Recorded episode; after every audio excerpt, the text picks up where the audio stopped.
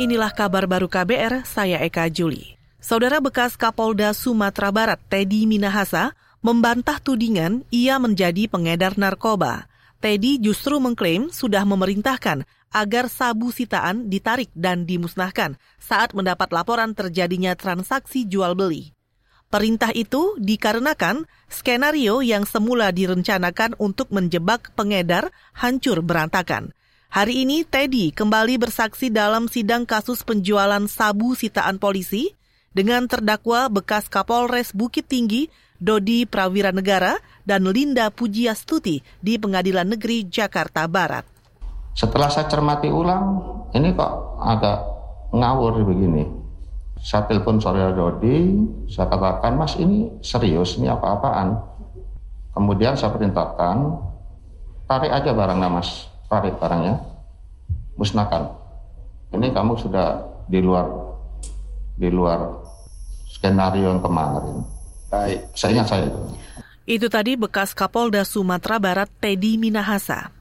Teddy juga menambahkan transaksi narkoba antara Dodi dan bandar narkoba Linda dilakukan melalui pesan singkat aplikasi WhatsApp. Teddy merasa aneh saat mendapat laporan dari Dodi terkait nominal angka transaksi narkoba sitaan Polres Bukit Tinggi itu. Teddy juga mengatakan tujuan memperkenalkan kedua terdakwa adalah justru untuk menjebak Linda.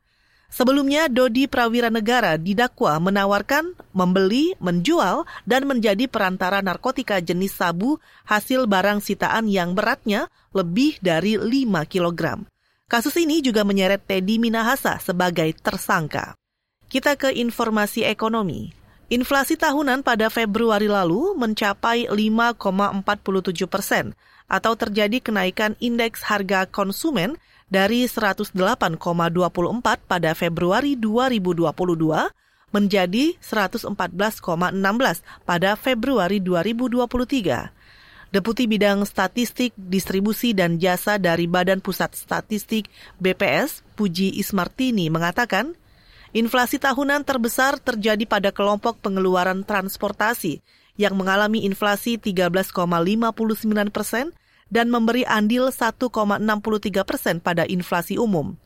Sedangkan jika dilihat komoditasnya, penyumbang terbesar untuk inflasi tahunan Februari kemarin antara lain BBM jenis bensin dengan andil 1,07 persen, beras dan juga bahan bakar rumah tangga dengan andil 0,22 persen. Beralih ke informasi kesehatan, Kementerian Kesehatan mencatat gangguan pendengaran menjadi penyebab tertinggi keempat untuk disabilitas secara global. Direktur Pencegahan dan Pengendalian Penyakit Tidak Menular di Kementerian Kesehatan, Eva Susanti mengatakan, dampak yang ditimbulkan akibat gangguan pendengaran dan ketulian sangat berat, yakni mengganggu perkembangan kognitif, psikologi, dan sosial. Akibatnya kualitas SDM menjadi rendah dan terjadi penurunan daya saing masyarakat di pangsa uh, pasar global.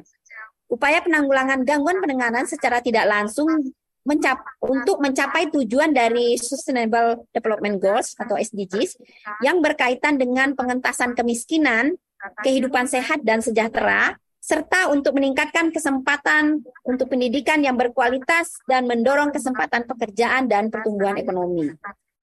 Direktur Pencegahan dan Pengendalian Penyakit Tidak Menular Eva Susanti menambahkan, laporan dunia tentang pendengaran pada dua tahun lalu menunjukkan sekitar satu setengah miliar penduduk dunia mengalami gangguan pendengaran. Sebanyak 430 juta orang di antaranya memerlukan layanan rehabilitasi. Bila kondisi ini tidak ditanggulangi, maka pada 2050 nanti, dua setengah miliar penduduk dunia akan mengalami gangguan pendengaran. Hari Jumat 3 Maret lusa diperingati sebagai Hari Pendengaran Sedunia. Tema tahun ini adalah peduli telinga dan pendengaran untuk semua. Saudara demikian kabar baru, saya Eka Juli.